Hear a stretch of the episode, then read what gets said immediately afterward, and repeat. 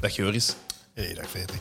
Zeg, zeg Joris, mag ik u anders een keer even een, uh, een geluidsfragment van vorig mm -hmm, jaar graag. laten luisteren? Wacht, ik ben benieuwd.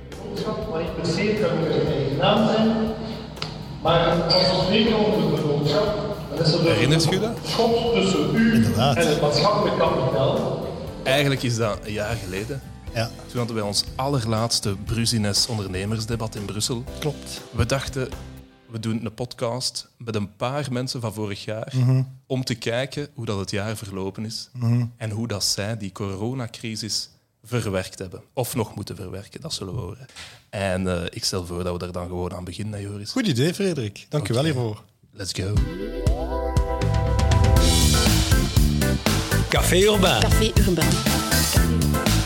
Café Urbain. Stedelijk. Liberaal.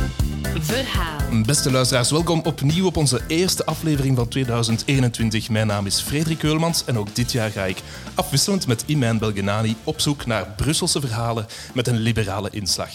Voor deze aflevering maken we er de Brusines podcast van, want zoals u al kon horen zit ik hier vandaag met Joris Telen. Hallo. Joris en ik organiseren al enkele jaren de Brusines debatten. Dat klopt hè Joris? Dat klopt zeker. En we gaan, wat gaan we vandaag doen? We gaan even terugblikken naar vorig jaar. Dat hebben we daar juist even gehoord. Het is 13 maart wanneer voor het eerst wordt aangekondigd dat de cafés en de restaurants dicht moeten. Tot 3 april toen. En dat vonden we toen al best lang. Burgers moesten thuis blijven en contact met de buitenwereld moesten we ten allerstelligste vermijden. Ik herinner me nog dat ik voor de laatste avond voor de lockdown nog eens goed ging gaan eten in het restaurant Doe het niet genoeg. Ik weet niet of dat je kent, Joris. Tuurlijk, Al dat gaan hier, eten? eh, dichtbij. Hè? Ja, ja. Eh, ik moet wel zeggen, eh, had ik toen goed gegeten? Dat weet ik nu niet goed meer.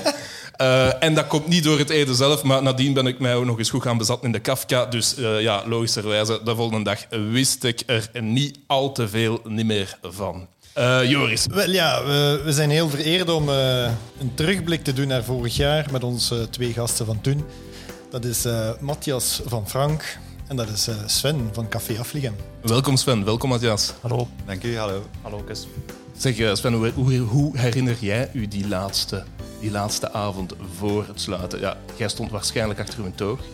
Ik stond eh, zeker achter met een toog. We hebben dus de dag ervoor, de 12e, hoorden we dat we toegingen. Maar eh, dag op dag, de 13e, de dag van de sluiting, dat we op middernacht toe moesten, was onze drie jaar, eh, driejarige verjaardag van ons drie jaar open. Dus we hadden een groot feest gepland. eh we hadden alles al klaargemaakt op voorhand. Eh, we hebben het dan ook half laten doorgaan, doorgaan uit de onwetendheid. Achteraf gezien misschien gedeeltelijk een beetje onverantwoord, maar wat wisten wij er allemaal van? Tuurlijk, op dat moment, eh, zoals we allemaal, was er pas. ja. Al- DJ in plaats van om tien uur, om zeven uur s'avonds laten komen voor toch nog voor middernacht een feest te kunnen bouwen en toch nog iets gedaan. Maar dus het was om één uur, denk ik, of, tw- of twaalf uur s'nachts 12 moesten uur sluiten. Twaalf uur, ja, ja, ja. En eh, Matthias, je hebt natuurlijk niet echt een café, het is een koffiebar en restaurant. Frank, hè, naast de opera, fantastische locatie. Eh, goed eten ook, hebben we na het Brusnes-debat van vorig jaar mogen ondervinden. Hoe eh, heb jij die laatste avond eh, meegemaakt? Herinnert je die nog? Ehm, ja, avond. Wij zijn natuurlijk maar open tot vijf uur. Dus voor ons was dat toch ook wel een beetje anders. Maar ik weet dat wij daarvoor, het weekend ervoor, we hebben eigenlijk maar één weekend open geweest. Hè. Dus we zijn open gegaan op 1 maart, dat is een zondag. We hebben één weekend gehad en dat was gewoon waanzin. Dat was Eén weekend. Eén, Eén weekend, zaterdag en zondag. Wij zaten volledig vol. Mensen stonden aan te schuiven. Dat was gewoon, ja, de cijfers uit mijn businessplan gewoon maal twee. En ik dacht echt van, what the fuck. Heel die week heb ik met mijn personeel, hè, want we hebben, denk, hoeveel mensen hebben wij in dienst? We hebben zeven mensen in dienst. Ja, mooi. Hebben we een ja. hele week liggen voorbereiden voor dat weekend. Onze frigo's zaten vol, maar echt vol, vol, vol. En dan in één kregen ze zo vrijdag zo van, oei, of donderdagavond zo van, oei, oei, je moet dicht. En ik had echt van, mannetjes, ik heb voor duizenden euro's eten in mijn frigo's zitten, allemaal klaargemaakt. Hè. En dat was wel, dat was eigenlijk te rotte, eigenlijk. Dat sluiten op zich, ja, we waren net open, dus...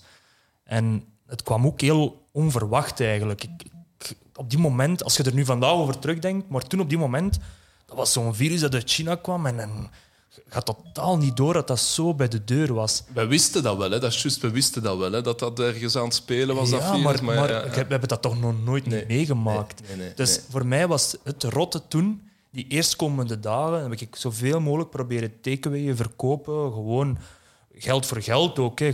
Bij wijze van spreken groentenhandel, vleeshandel geworden eigenlijk. En we hebben daar eigenlijk ja, we hebben daar een serieus verlies op gedraaid op het einde van de rit. Dat is eigenlijk voor mij de eerste lockdown. Ja, ja. Joris, als je, als je daar even over nadenkt, allee, in het begin, ik vraag het aan u, want ja, jij bent hier toch de juridische gast van dienst. Allee, als je daar nu over moet nadenken, van de ene dag op de andere sluit je zaak, uw inkomen valt weg. Wat vertelt je aan uw huurder? Huurder eist het geld, Sabam eist geld. Wat moet, het, wat, is, wat, wat moet je doen in die eerste momenten? Wat was de beste optie geweest? Nu kunnen we dat gemakkelijk zeggen en nu kunnen we terugblikken. Maar de, het, het juridische vraagstuk omtrent de huurgelden is nog steeds niet volledig uitgeklaard. En ik moet ook eerlijk zeggen dat de, het vraagstuk omtrent de, de, de huurgelden, die al dan niet betaald zouden moeten worden in etablissementen die verplicht dicht moesten gaan, of etablissementen zoals Frank, eh, die beperkt open bleven, of die huurgelden integraal zouden betaald moeten worden. Ehm, dat is een van de eerste vragen die onmiddellijk gesteld is geworden, niet alleen op het vlak van de horeca, maar ook op het vlak van ehm, andere eh, economische activiteiten.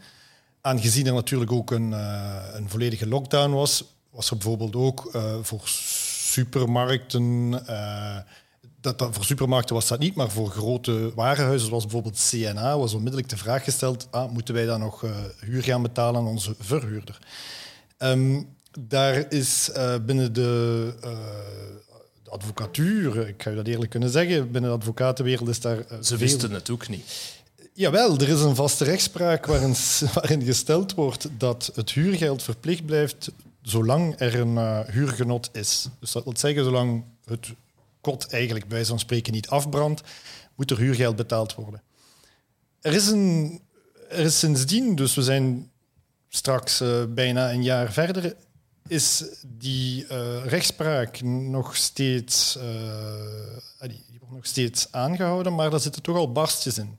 En ik denk ook dat dat logisch is dat die rechtspraak langzamerhand gaat wijzigen, omdat anders heel de magistratuur een, een, een, de zonde van Israël op zich zal laden door gigantisch veel faillissementen te, uit te lokken.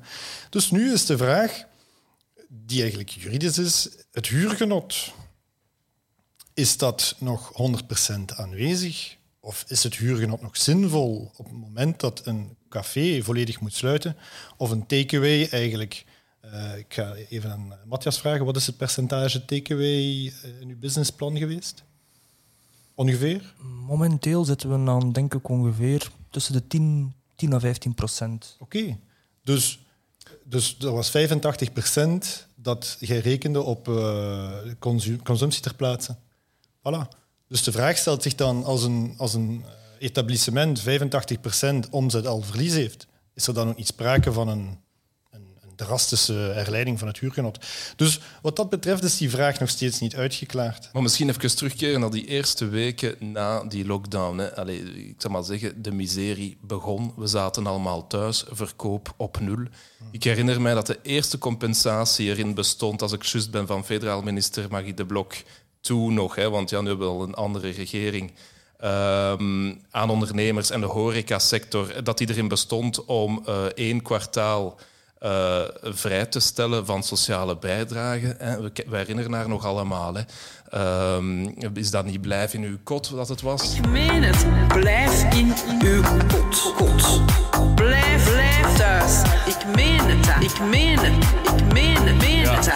Ja, Sven, zo, zo klonk dat toen. Hè. Ik weet niet hoe dat jij die eerste weken hebt beleefd, maar dat was ook vanuit uw kot. En wat heb jij toen met uw facturen gedaan dat nog binnenkwamen? Ik heb ze laten liggen. Ah. dat is In eerste optie. instantie. Ik heb ze gewoon eerst laten liggen, omdat je in eerste instantie, daar komt zoveel op je af. Die facturen komen binnen. In eerste instantie zet je vooral bezig met welke contracten kan ik even on hold zetten, op pauze zetten, laten uitstellen. Eh, overleg met een boekhouder, wat gaan we naar doen, waar gaan we naartoe? Want op dag één kun je niet zeggen van oké, eh, dat ga ik betalen. Je moet beginnen nadenken, wat als het langer duurt dan een maand? Wat als het twee, drie, vier, vijf, een jaar duurt? We hebben een beetje aan alles gedacht en dan moet je beginnen budgetteren. Je had een reservekapitaal. Wij hadden, om eerlijk te zijn, nul reserve. En Matthias, ik neem aan, als nieuw startende zaak, eigenlijk ook. Wat, wij, allee, laat ons stellen dat de eerste lockdown, als je erop terugdenkt, een leuke lockdown was. Ah, Ja, maar dat is, hè. Ehm, het was voor iedereen nieuw. We hadden er keihard gewerkt naar, allee, naar verbouwingen. We zijn op Ja. 15 november begonnen met, met, met het eh, huurcontract te tekenen. En we zijn op, eh, ik denk eind december zijn we begonnen met de verbouwingen. En op de tweede week van februari waren wij klaar. En we hebben eh, ja, een serieus budget geïnvesteerd in Frank. En als je dan terugdenkt, ik heb toen 40.000 euro bij de bank geleend om die eerste lockdown door te komen, wat op zich perfect was voor ons. En die heeft ook niet zo lang geduurd. Hè. nee, dat is waar. Ja, ja. Maar dan is natuurlijk de tweede lockdown gekomen. En natuurlijk, om dan nog eens geld te gaan lenen bij de bank, allee, ja, daar had ik niet zoveel zin in. Dus ik, wij waren van plan om een appartement te kopen. Dus we hebben nog geen appartement. En ehm, we hebben die reserves nu gebruikt in de tweede lockdown. En die zijn nu allemaal weg. En dat is... De eerste lockdown was de lockdown van... We gaan, hier dat, we gaan dat regelen. We hebben geen schulden, we hebben alles betaald. eh, omdat we een nieuwe zaak zijn, moet ook een beetje... Allee, je moet een beetje krediet opbouwen, ook met je, met, je, met, met je partners waar je mee samenwerkt. We wouden eigenlijk ook gewoon het goed doen. En nu zitten we in de tweede lockdown. Treft het ons ook financieel heel hard. Onze levensstijl is erop achteruit gegaan. Ons toekomstperspectief is volledig weg. En dat doen we in de eerste lockdown niet. Vandaar dat ik het ook zei dat dat zo wat meer nog...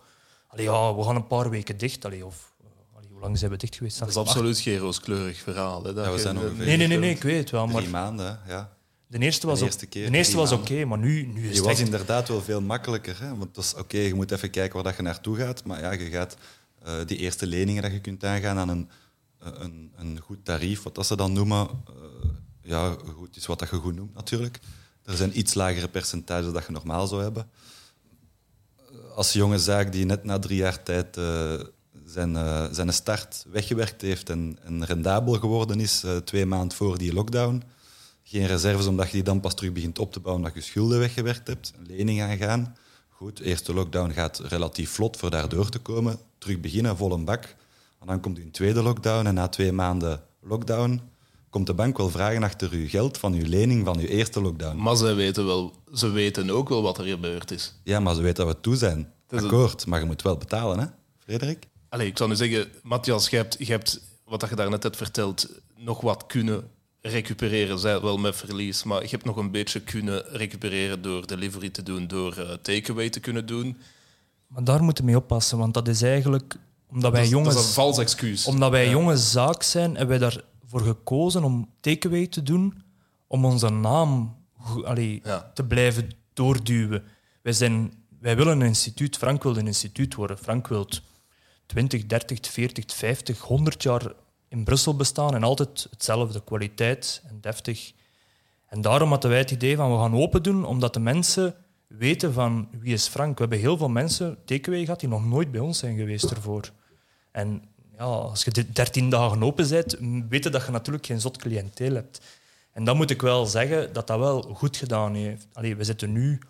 We, we, zijn, we hebben 4200 volgers voor allee, in schorten en stoten open te zijn. Het is in de picture blijven eigenlijk. Ja, daar, daar, komt Daar het draait het neer. om.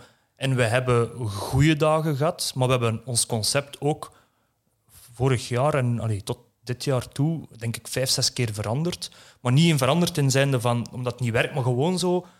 Oké, en, dan, en, dan, en dan gingen we, allee, gelijk nu met de kerstperiode, gingen we kerstkraam maken.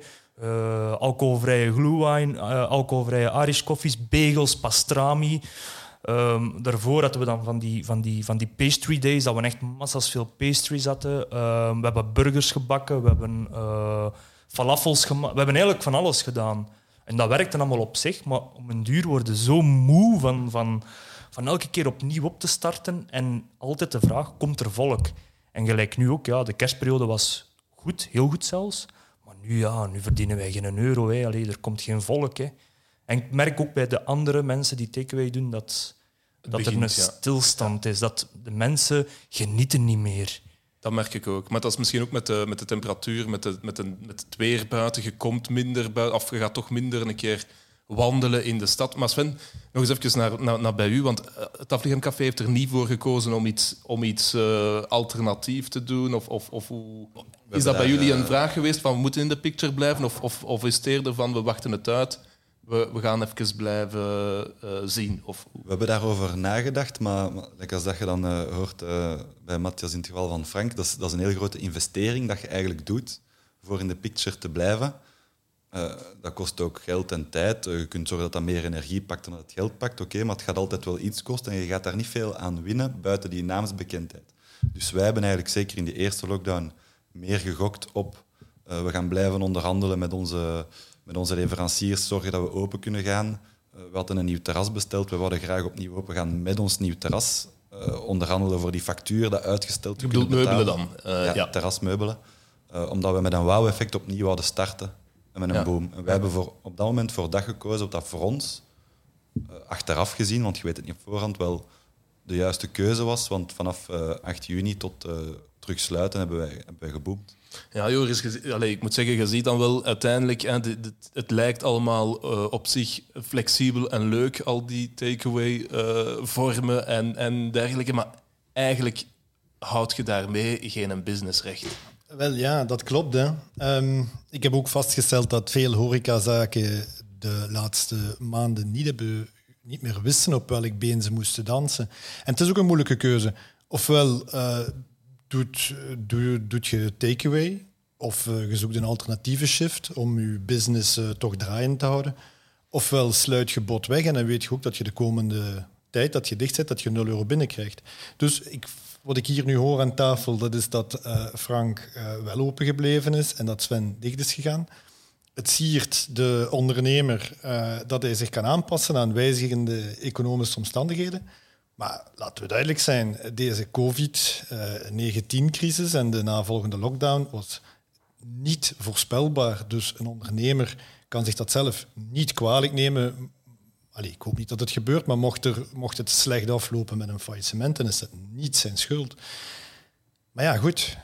Niet Daar- van allemaal, ja. Het is, het is, het is de, Voilà, de, maar- de vraag is welke bedrijven zijn gezond voor de start van de crisis. en wel- ja, maar dat daar ben ik niet, eigenlijk niet helemaal mee eens. Dat is eh, misschien waar voor bedrijven die al eh, vijf jaar bestonden. Maar ik kijk dan, het verhaal we vorig jaar hebben gehoord op onze business-editie. Dat was Sven, die eh, drie jaar in de werken heeft gezeten op de Anspachlaan. Klopt. Ehm, Ja, ja, uiteindelijk toch een terras kunnen zetten. En een prachtig terras, dat moet ik ook toegeven. En ik hoop ook dat uw zomer daardoor eh, geslaagd is geweest. Maar dat was ook drie jaar ploeteren en zoeken. Nu hebben we eh, hier eh, dan ook Frank, die exact twee dagen open geweest is. Die, 13. ah, 13, oké, ja, dat is ook niet veel. Ehm, Allee, één weekend en een week Ah, en een weekend, ja, goed. voilà. Maar jullie hebben een, een gigantische investering ook gedaan. En de bedoeling was dat dat zou eh, renderen op, of dat die terug zou betaald zijn op x aantal jaar. Ja, COVID gooit gewoon eh roet in het eten. En dat is gewoon bijzonder, bijzonder spijtig. Maar ik wil... Allee, ik had gelezen in de krant dat 70% van de mensen geen financieel gevolg hebben van de, van de COVID. En dan, dan, Dat is op dan dit krijg moment, Ik koude, ja, dan krijg ik koude rillingen over mijn lichaam. Dat ik in mijn eigen denk van... Wow. En Ik, ik denk dat je dat wel verkeerd interpreteert, want dat is op dit moment gezien. Dat, is nog, hè, dat zijn al die mensen die nog altijd op, eh, op tijdelijke werkloosheid zitten, enzovoort, enzovoort, enzovoort.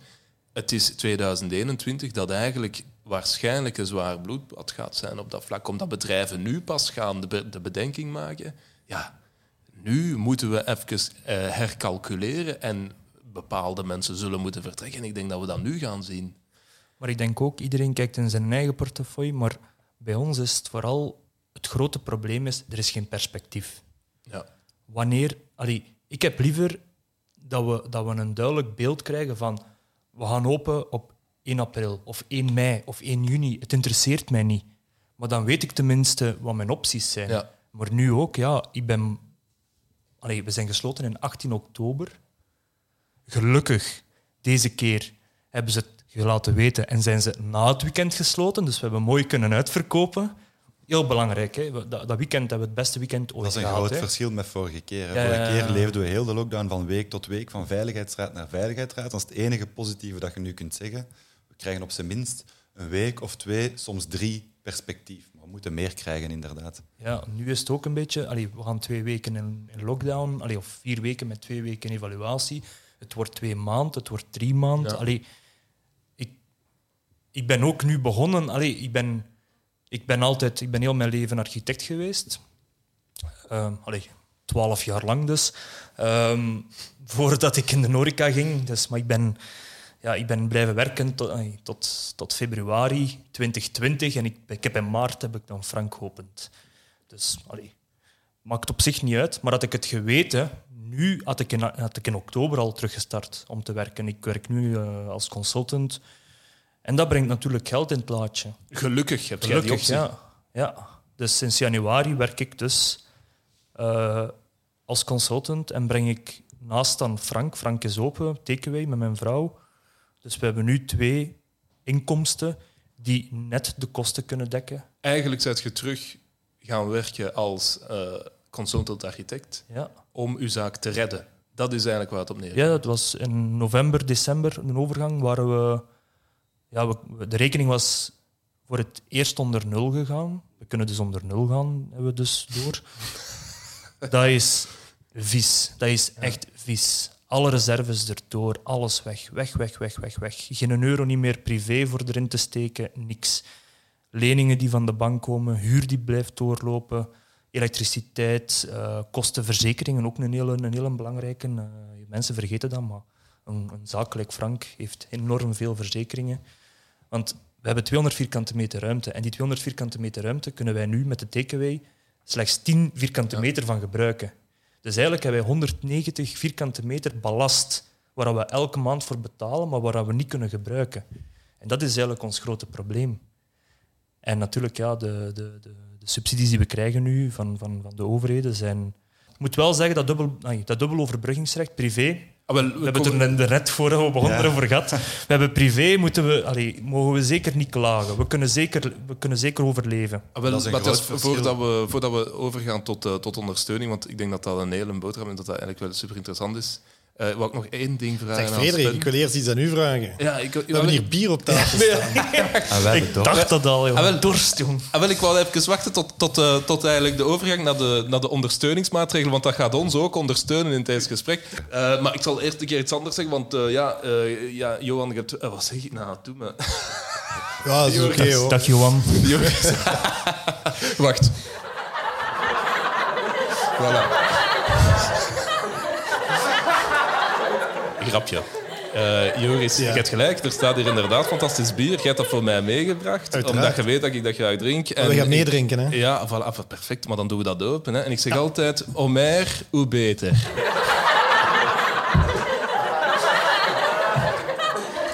Kan ik het gesprek verlaten?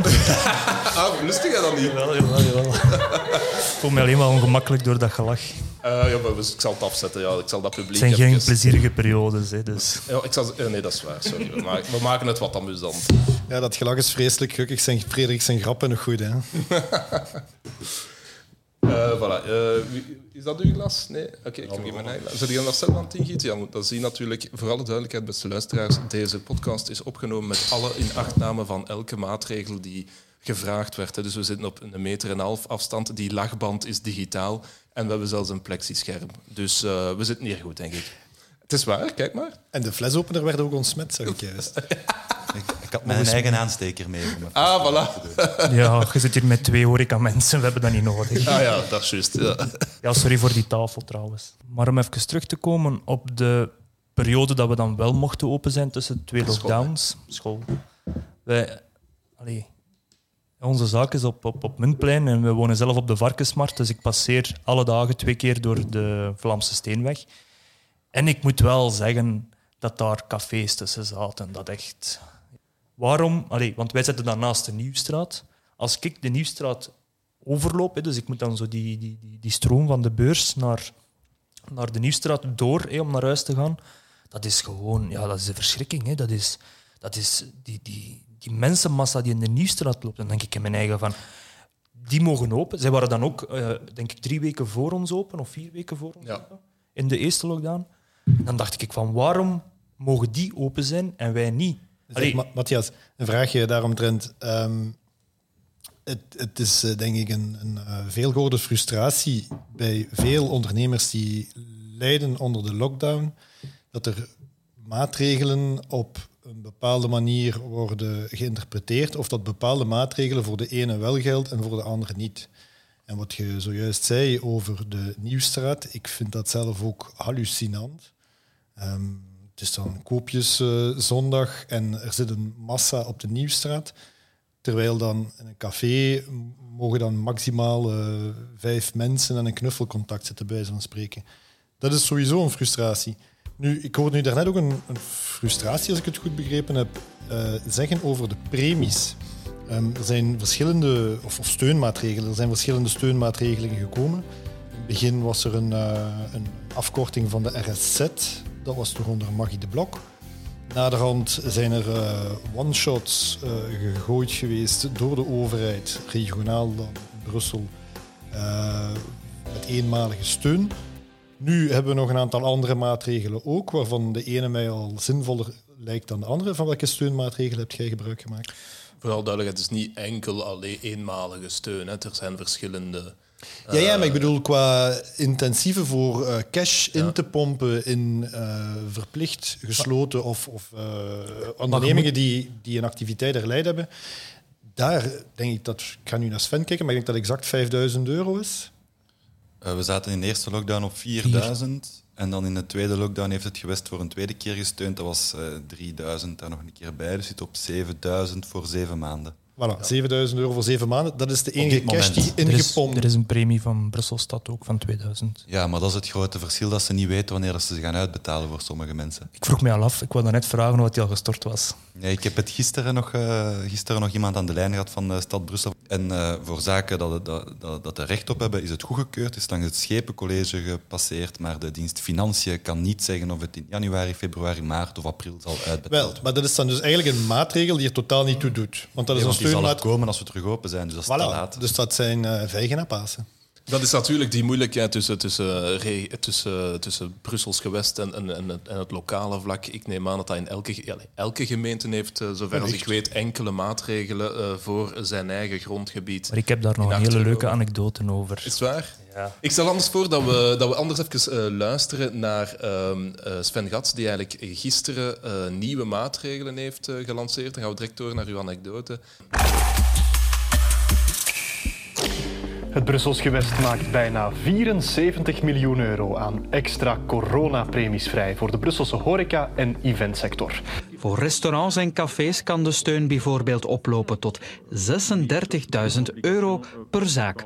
Voor hotels en bed and breakfasts tot 50.000 euro. En voor de evenementensector en discotheken zelfs tot 100.000 euro. Het zal vooral het omzetverlies zijn dat zal bepalen hoe hoog de premie is. Het aantal werknemers zal ook meespelen. Uh, we hebben ook wel een veiligheid ingebouwd dat uh, je in het referentiejaar 2019, hè, toen alles nog goed ging, je toch minstens een omzet van 25.000 euro zal moeten hebben om te vermijden dat er spookbedrijven hè, nu ook op deze uh, hulp willen aanspraak maken. Voilà, Joris, zeg maar. Ja, ik wil er uh, alvast deze, deze maatregel verwelkomen. We er is- vergeten Matthias zijn anekdotes te bieden. Nee, nee, nee, daar, daar zat ik ook op te wachten. Maar ik denk dat dit een goede aanpak is van, van het gewest en van onze minister van Financiën, aangezien dit het eerste maal is dat een maatregel eh, tailor-made gaat gegeven worden. En dus ook de steun. Ehm, het is eh, door velen ge- als gefrustreerd aan, aangevoeld geweest dat, eh, dat een zaak met een grote oppervlakte of met een groot aantal werknemers, en dan kijk ik bijvoorbeeld naar Matthias, die zeven werknemers in dienst had, dat die evenveel steun krijgt. Nog steeds heeft. Ah, nog steeds heeft, mijn excuses, dat die evenveel steun krijgen als het, het cafeetje op de hoek waar twee, twee personen werken. Ik denk dat dit een goede aanpak is. Ten tweede, en dat is ook een beloning van de eerlijke ondernemer, hier wordt rekening gehouden met het aantal VTE's, eh, voltijdse Equivalenten. Ja. ja, die equivalenten, maar dus de voltijdse eh, contracten, werknemers die voltijds in dienst zijn. Hetgeen natuurlijk de ondernemingen beloont die ook eh, volgens de regels werken. Dat is een goede zaak. Maar ik wil daar eigenlijk... Ik denk dat heel veel mensen niet goed begrijpen, als je zelf niet van die steunmaatregelen geniet, dat er twee belangrijke verschillen zijn. Je hebt dus enerzijds de federale premies zijnde naar privé toe. Dus als zelfstandigen, uiteraard zijn we allemaal zelfstandigen, betalen wij ons eigen loon uit vanuit onze zaak. Natuurlijk Als onze zaak geen geld heeft, wat regelmatig is gebeurd of zo, dan stoppen wij met ons eigen loon uit te betalen. We zijn altijd de eerste die moet ja, inboeten op geld, hè, de zaakvoerders. Altijd. Dus, en als uw zaak dan wat beter draait, kunnen we wat hoger gaan. Als uw zaak dan wat minder draait, gaat dat zelfs tot niks. Dus wij betalen, dat is geen geheim, wij betalen ons eigen 1200 euro netto uit. Het minimum. Zoals bij ons. Ja. Voor uw zaak opgestart te krijgen, Pas op. vind ik dat een goede keuze. Ik heb een gewaarborgd inkomen dat hoger ligt. Dus ik kreeg van de verzekering op mijn vingers getikt dat ik dat niet te lang mocht volhouden. Want anders ging mijn gewaarborgd inkomen, waar ik voor betaal trouwens, gingen ze dat afkeuren. Allee, niet afkeuren, maar gingen ze, als ik iets voor heb, gingen ze dat niet betalen, want ik betaal mijn eigen maar 1200 euro uit. We zijn, we, zijn bezig nu, we zijn nu bezig van de federale overheid, krijgen we dus inderdaad het overbruggingsrecht. Ja. Dus we hebben het overbruggingsrecht gehad, dat is 1316, alleen een klein beetje. Ja, het hangt er een beetje vanaf ook. eh, Of dat je het dan last. Ja. ja, Ja, mijn vrouw krijgt dat. Voilà. Dus mijn vrouw krijgt verdient ook 1600. meer nu, Ja. Dus allee, pak dat we 3000 bruto samen krijgen. Wat op zich, allee, daar kunnen we de facturen mee betalen. En nu in, eh, denk oktober, november, december. Januari, februari komt er ook bij. Ja, dat weet ik nog niet. Dat is al bevestigd. Ah ja, oké, dat Wordt wist het ik zelfs verdubbeld. niet. Wordt het verdubbeld, waardoor dat wij 6000 euro bruto binnenkrijgen. Wat echt, amai, dik, allee, dik, dik Allemaal op kosten van de staat. Hè? Maar moet er wel rekening mee houden, dat komt binnen privé. Daarnaast is het eigenlijk onze vernootschap. Achter Frank zit Studio Frankie. Dus die is eigenlijk gewoon aan het doodbloeien. We hebben daar een, inderdaad we hebben 4000 euro getrokken in de eerste lockdown, 3000 euro in de tweede lockdown en 2000 euro van Brussel die onderweg Ooit. is, ooit. Als je dat optelt, zitten we inderdaad aan 9000 euro. Daar kom ik nog geen maand mee toe. En dat is gewoon het probleem. Mijn, mijn vennootschap gaat kapot. We hebben 300.000 euro werken geïnvesteerd. Ik heb daar enorm veel persoonlijk geld in gestoken. Als mijn vennootschap failliet gaat, zeg ik dat allemaal kwijt. Is alles waar je ooit voor gewerkt hebt, heel mijn leven, is weg. Ja, Matthias, maar dat is. Spijt me dat ik het zo moet zeggen, maar dat is niet uw fout als een fout in de zin van dat jij als ondernemer het slecht hebt aangepakt. Dit kon niemand weten. En ik hoop dat je het overleeft en je gaat het overleven, dat weet ik.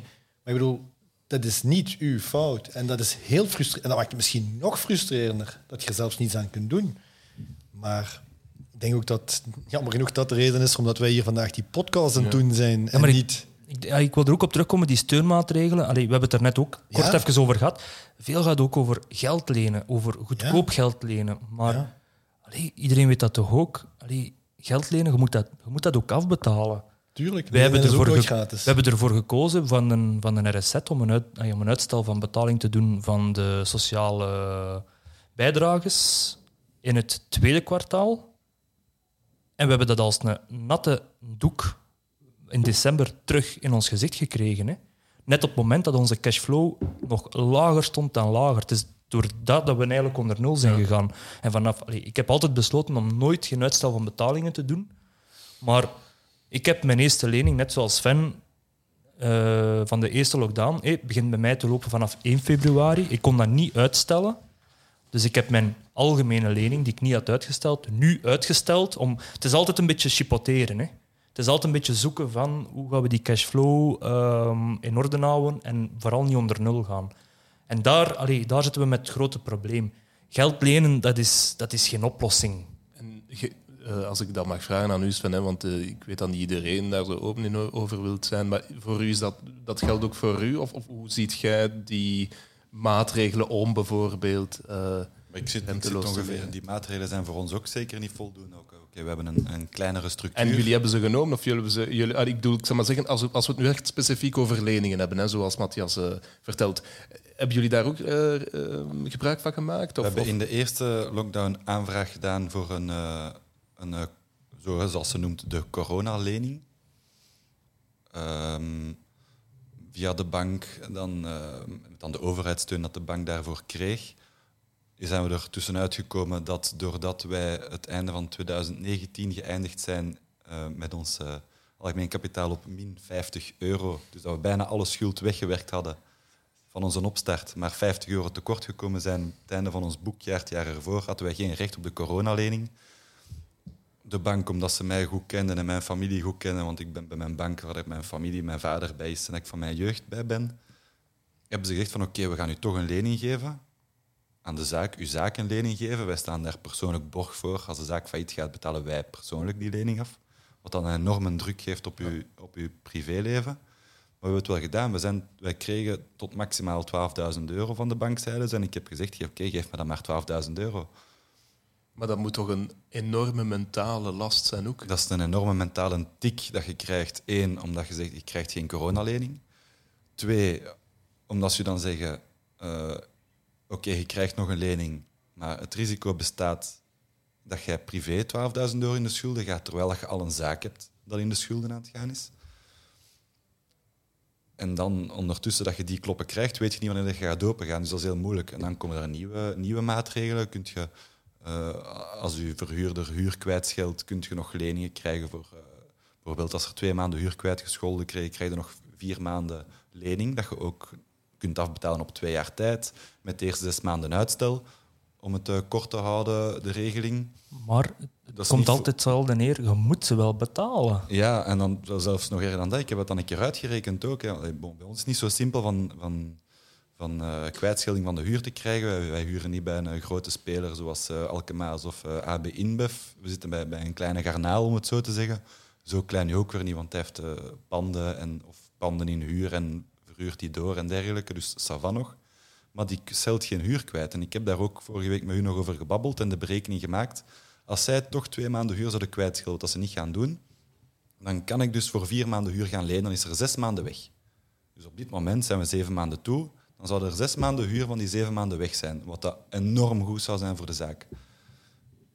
Maar het probleem is dat ik dan binnen zes maanden die lening moet beginnen afbetalen. Ik weet niet of dat ik ga open zijn, ik weet niet hoeveel ik ga verdienen. Er loopt al een lening die ik moet afbetalen op dat moment. En ik heb maar zes maanden uitstel en dan moet ik op 18 maanden tijd al dat geld terugbetalen. Ik kan dat niet. Mijn zaak kan dat niet. Ik kan niet zeggen, eh, zeggen oké, als wij terug open gaan, gaat mijn zaak 2000 euro in de maand extra overschot hebben om die leningen allemaal af te betalen. Want ik weet niet wat dat het gaat geven. Ik weet niet welke schuldeisen er nog extra gaan komen. Maar ik heb er wel een goed beeld van. Maar je weet niet wat er nog kan gebeuren in de komende maanden. Dus ik denk dat er heel veel mensen dat gaan gedaan hebben. Maar binnen zes maanden, als die lening begint te lopen, teksel op de neus gaan krijgen en failliet gaan gaan, omdat ze de bank niet meer kunnen terugbetalen. En ik denk dat er veel mensen niet genoeg nadenken over de steun die ze pakken. De 4000 eh, premie dat je krijgt en 3000 premie, allemaal goed en wel, dat krijg je. Maar uitstel van betaling, we hebben drie kwartalen uitstel RSZ gedaan. Eh, dat is eh, ook op onze neus terechtgekomen in december. Het eerste wat ik gedaan heb, is een mail gestuurd naar de instantie en gezegd van oké, ik wil een afbetalingsplan. Joris. Horeca, dat, dat is eigenlijk iets wat Brussel Brussel maakt. Mhm. En als je nu die verhalen hier hoort van, van Matthias en van Sven... Allee, dat- hoe, gaan we dat, allee, hoe gaan we daaruit geraken? Dat is, eh, Ja, dat is, eh, dat Natuurlijk, is, we dat is de vraag van 1 miljoen, hè, Frederik. we weten natuurlijk wel al stap 1 en dat is open doen. Maar dan nog vraagt u af, gaan mensen bereid zijn om onmiddellijk terug naar de cafés te gaan? Enzovoort. Maar ik kan, allee, ik ga erop, ik ga erop inspelen. Hè. Dus, Maar uw anekdote ook nog even. eh, dat is voor straks, dat is voor straks, dat is voor straks. Dat past niet meer in het, dat past niet meer in het huidige gesprek. Dus een, een horecazaak is... Allee, ik ben horecaondernemer sinds 2015. En altijd architect geweest, uiteraard. Maar wij, een horecazaak is eigenlijk gemaakt om omzet te maken. Dus wij, wij draaien van maandag tot vrijdag draaien wij eigenlijk massa's veel verlies. En op zaterdag en zondag halen wij dat echt allemaal in. Onze omzetten zijn een veelvoud in het weekend van in de week. Als wij in de week veel volk krijgen, dan zijn wij een bloeiende zaak. Maar dat gebeurt gewoon niet. Dat, is, dat zal waarschijnlijk bij u Sven ook zijn. Dat de, dat de vrijdag, zaterdag topdagen zijn. Dat is eigenlijk in de laatste, laatste, de eerste twee jaar was dat enorm zo. Het grote verschil tussen de week en het weekend. Dat verschilt minder nu, maar je zit toch nog altijd op, eh, op een 70-30 verhouding. Ja. Als je het moet zeggen qua, qua recept. Dus die weekend is echt super belangrijk. Twee dagen, 70, 30, vijf dagen. Nee, eh, als je kijkt naar het dagtotaal dat je draait op een weekdag. Ja. Ah ja, oké, op die manier. Ja, oké. Dus op vijf dagen Ja. tijd Ja. Eh, Snap je wat ik wil zeggen? Ja, nu ben ik mee. Ja, ik zit maal vier, maal drie of zo.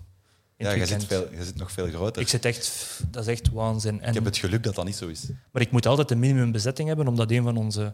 We zijn een, we zijn een zaak die, die draait rond service en tafelbediening en kwaliteit. En al ons eten ook wordt allemaal ter plaatse gemaakt. Wij kopen niks aan van Ja, maar Matthias, sorry dat ik onderbreek, maar jij, jij neigt ook meer naar restaurant dan naar café.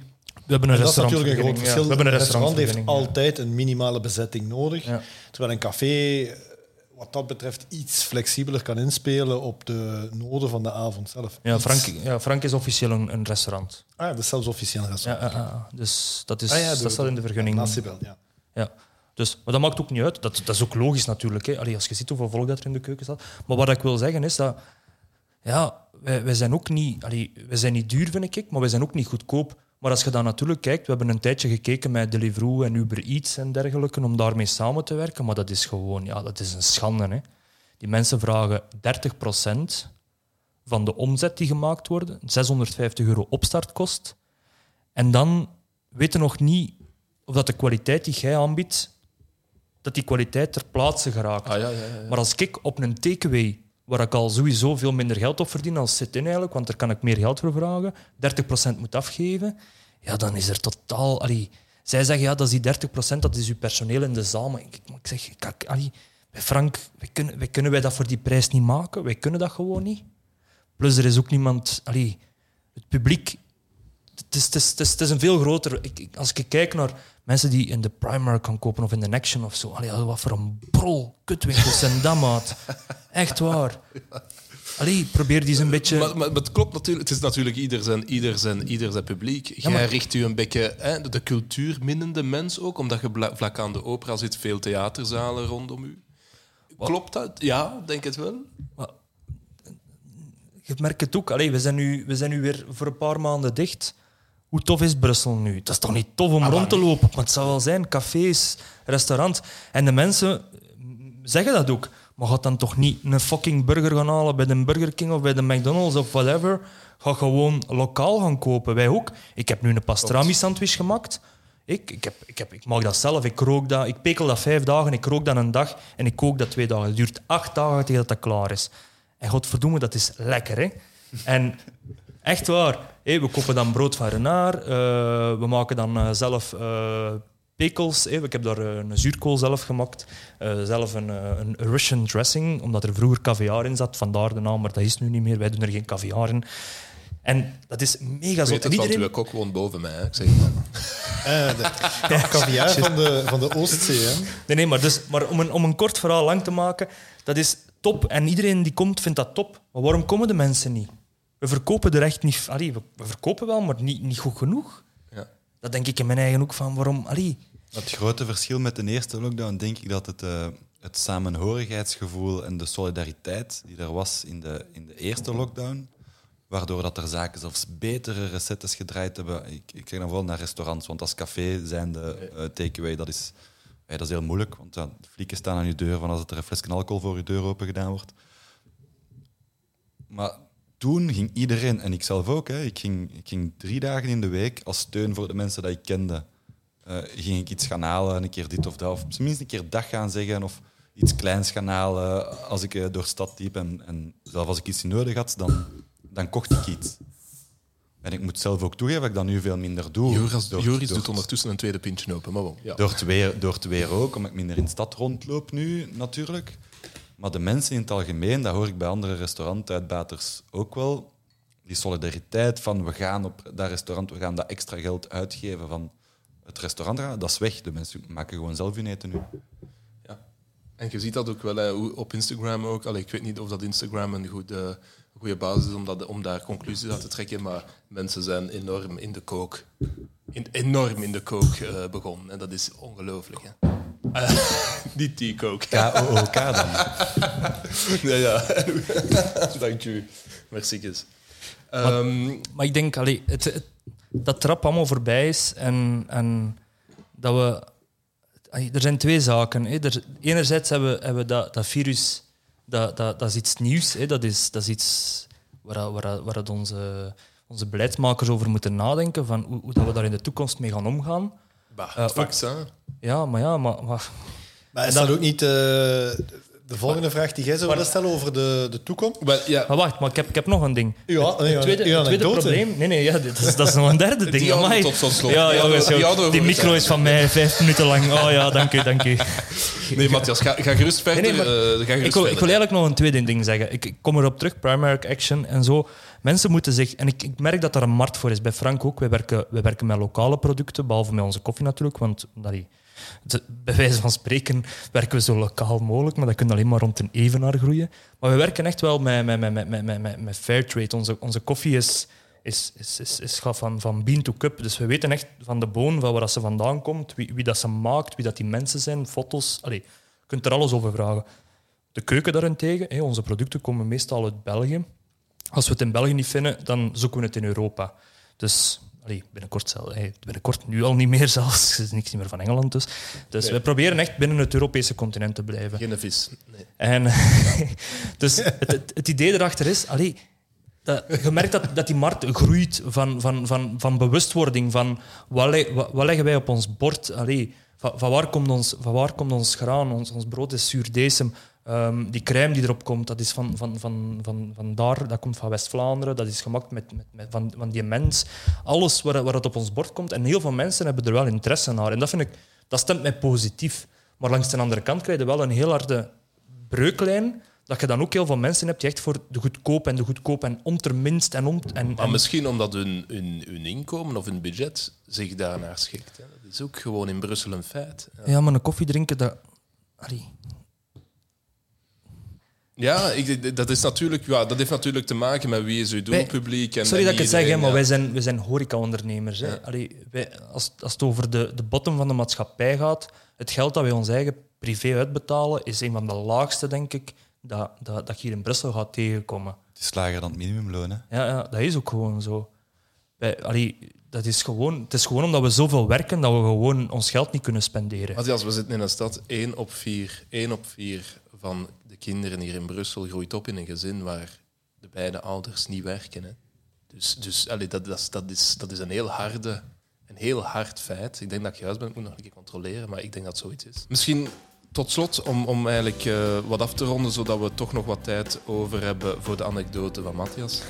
maar eh, een, een blik naar de toekomst, en die zal er zijn, hoe dan ook. Heeft corona uw businessmodel veranderd? Gaat je ah, terug aan de slag? Stel, alles mag terug. Gaat je terug aan de slag als een gelijkaardig concept, als een gelijkaardig restaurant, als een gelijkaardig café voor de corona? Of wat neemt je mee en wat heb je geleerd? Eh, misschien Sven, ik weet niet of jij misschien eerst kunt beginnen. Eh, voor ons in de toekomst denk ik sowieso het plan, het eerste plan dat we hebben om nu te doen, is dat hebben we gemerkt tussen de twee lockdowns door, wij krijgen ons café rendabel met restricties. Ja. Dat is ons gelukt. Dus ons plan is, ik ben nu verder aan het uitwerken en kostenberekening aan het maken en ik kijk met personeelsbezetting, eh, wat moet er geïnvesteerd worden voor eh, vlotter te kunnen werken. Eh, van waar ga ik dat geld aan investeren, dat is een vraag voor achteraf. Maar dat zullen we dan wel zien. Maar dus om te zorgen dat je kunt eigenlijk met 50% capaciteit rendabel zijn of op zijn minst kostendekkend. Rendabel en kostendekkend dat is nog een euro verschil. Ja. ja. En, en daar naartoe werken. eh, Ik, ik heb er nog altijd goesting in, maar ik vind het op dit moment nutteloos om te dromen van eh, eh, mijn loon naar eh, 5000 euro in de maand te trekken, zoals zoveel zelfstandigen die nu klagen over de maatregelen hebben. Ik ben blij met mijn loontje van 1200 euro. Dat is goed, laat mijn zaak maar groeien en we gaan die rendabel maken met beperkingen. En als we die beperkingen niet hebben, zoveel te beter. Dan hebben we 30, 40, 50 procent meer plaats om mensen te zetten. Matthias. Een blik op de toekomst. Ja. Lastig. Wij, ja, de dag dat we mogen opengaan, gaan we ervoor. We waren uiteraard, wat een, eh, wat een al heel lang een idee om een avondconcept te doen bij Frank, omdat ja, de ruimte is er, het pand is er, de operas, de, de, de, het cultuuraanbod. Het was een wijnbar. Wijnbar met, met, met uiteraard eten. Goed eten. Apero. Ehm, ja. Hapjes. ehm, Maar je moet rekening houden, voor mij het ideale scenario is bij de opening is vijf dagen open gaan. We zijn zeven op zeven geopend. Maar wij zijn aan het denken om vijf dagen open te gaan. Gewoon om, het, om twee dagen te skippen. Ons personeel zo in te plannen dat iedereen in het weekend werkt, uiteraard. Omdat dat onze topdagen zijn. En dan die andere dagen gaan we zien hoe dat de planning is. Want we hebben eigenlijk heel vaak gehad dat we met te veel mensen stonden in onze zaal. Omdat we, ja, we willen, we willen fulltimes. We willen mensen hebben die... We willen geen studenten, we willen geen flexies hebben voor, voor belangrijke taken. Mensen moeten weten waar ze mee bezig zijn. Koffie maken, eten maken, dat kun je niet aan een student overlaten. Bij ons zijn studenten meer zo bijzaak die zo wat mee komen afruimen of, of dergelijke, of, of, of, of, of wat bestellingen opnemen. Maar Extra niet, ondersteuning. ja, inderdaad, dank u. En daarom denken wij nu na om, om, om van die zeven mensen die we hebben, plus wij dan met, met negen mensen, om daar eigenlijk een basis mee op te bouwen. En als we voelen van oei, die dag of, of, of dat gaat wat minder, dan zetten we iemand terug op tijdelijke werkloosheid. Het systeem laat dat toe. En ik denk dat dat de enige mogelijkheid is om te kunnen overleven. Maar dat wil dus zeggen, geen studenten. Ondanks dat we die heel hard nodig hebben. Dus dat wordt natuurlijk wel alle weekends werken. En allee, ik, ik, ik weet het niet. Ik heb geen glazen bol. Ik hoop dat dat allemaal heel snel terug gaat normaal worden. Maar wij, wij, wij rekenen vooral op... Wat, wat het verschil bij ons is, is de mensen die 's middags komen lunchen. De mensen uit de buurt die werken. Als we die mensen kunnen binnenkrijgen, dan is Frank goed bezig. In het weekend hebben we toch altijd volk. Dan is thuiswerk eigenlijk geen goede evolutie voor Dat is de hel. Want dat merken we echt enorm, zeker hier in het hypercentrum van de stad. Thuiswerkers, dat is een probleem voor de horeca, voor de kleine handelszaken. Als die niet meer komen, ja. Joris, we hebben hier heel veel gehoord. Ik Ja. zie dat jij ook veel hebt opgeschreven, dus ik zou even voorstellen, ik weet niet of dat jij een soort eh, eindwoord kunt Ja. inladen. Eh, Wel, Moet ik anders eens met een anekdote? Ah, nee, nee, nee, nee. anekdote komt daarna. Ja, Hoe lang moeten we hier wachten op zijn anekdote? Volgens mij bestaat die anekdote niet, maar goed. Ehm, ja, ik heb het, hetgeen wat ik hier eh, concludeer uit het zeer interessante verhaal dat we hier vandaag hebben gehad, zijn de volgende drie dingen. Eerst en vooral, we zitten in eh, die covid-crisis met een lockdown. Eerst en vooral, we blijven hier in Brussel, dus de sirenes, ja, dat blijft natuurlijk een, uh, een Maar ze, sound. misschien ja. dat de politie heeft gezien dat we hier toch de regels aan het eh, overtreden zijn. Ik weet het niet, Frederik. Dat is dat is uw verantwoordelijkheid. Tuurlijk is Zeg maar, sorry, ik heb je onderbroken. Zeg ja, maar, ja. voilà. Dus ik zou zeggen, een drie systeem voor eh, alle ondernemers die hier eh, aan het luisteren zijn, of degenen die willen beginnen ondernemen. Eh, dat is uw kosten sowieso drukken, de prijzen eventueel herzien, met andere woorden misschien omhoog. En overloop ook zeker uw vaste kosten. Ehm, Matthias heeft daarover gesproken, over zijn verzekeringspremie. Eh, er is op verschillende manieren eh, mogelijkheid om eh, schorsing te vragen van bepaalde polissen of van bepaalde contracten. Ik denk dan aan de verzekeringspolissen, aan, zoals stroom en water. Dat verbruik is sowieso minder, dus, dus de premie kan dus ook gezakt worden, kan dan ook lager gezet worden. Internet kan geschorst worden. Algemene verbruik, ehm, afhankelijk van iedere, iedere vennootschapsstructuur. Ehm, ik denk dan bijvoorbeeld aan zo'n ding als kranten. Die worden toch niet gelezen, worden ook niet gekocht. Schorst een abonnement. Daarnaast ehm, zorg dat u een goed contact heeft met uw sociaal secretariaat. Ook met uw boekhouder en ook met uw bankier. Dat zijn uw eh, commerciële vrienden. Wees eh, sowieso niet beschaamd om moeilijke vragen te stellen. Moeilijke vragen, daar bedoel ik dan mee. eh, ik, ik sta voor een faillissement, wat moet ik doen? Zo'n mensen zijn er precies om u te helpen, want zij hebben er natuurlijk ook alle belang bij om ervoor te zorgen dat u geen faillissement eh, zult meemaken. En dat is ook zeker niet de bedoeling. En tot slot zijn er uw vrienden en uw familie. Die steun is er altijd. Ik zou dus zeggen, spreek mensen aan, houd vol en weet gewoon dat dit niet uw fout is. Dit is corona, dit is een overmachtssituatie en de verzekeringsmaatschappij gaat zeggen, dit is geen overmacht. Oké, eh, dat ze de pomp naar de pomp lopen, eh dit is wel degelijk overmacht. En ik wil eh, Frederik graag met de woorden afsluiten van Theodor Herzl. Oei, oei. If you will it, it is no dream. Dank u wel. Merci, Joris. Matthias, jij wou nog even uw finaal, uw anekdote vertellen. Zeg maar. Het gaat eigenlijk over, over die 2000 euro premie van Stad Brussel. Dus we hebben onze aanvraag ingediend voor het gewest. Trouwens, het gewest, allee, hoedje af, hè, of petje af in mijn geval. Ik heb hier een pet naast me liggen. Ehm, Brussels gewest, heel goed mee samengewerkt. Die diensten werken perfect. Ehm, ook tijdens de verbouwingen hebben we subsidies gekregen voor be- bijvoorbeeld, hè, we, hebben, we hebben een toegankelijkheid, eh, toegankelijk toilet. eh, we hebben, eh, een rolstoel, eh, toegankelijk vriendelijke inkom. Ehm, het zijn allemaal zaken die eigenlijk eh, mee eh, gesubsidieerd zijn door eh, het Brussels gewest, allee, die premie voor gekregen hebben. Hetzelfde met de, met de, met de premies voor de COVID-periode. Die werden eigenlijk binnen de week gestort, als ik me niet vergis.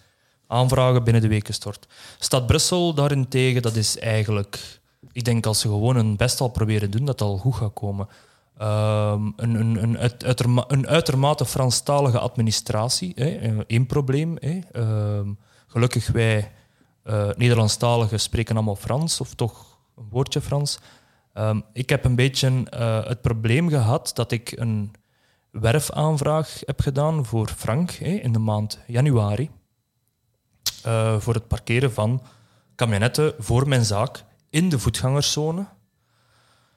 Ah, my. Ik ben dan architect, dus ik ben dan vertrouwd met het systeem dat daarachter zit. Eh, ik heb een aanvraag ingediend en die aanvraag... Ik, ik heb ergens een fout document ingevuld, waardoor dat mijn eh, vergunning voor, voor de werf werd verworpen.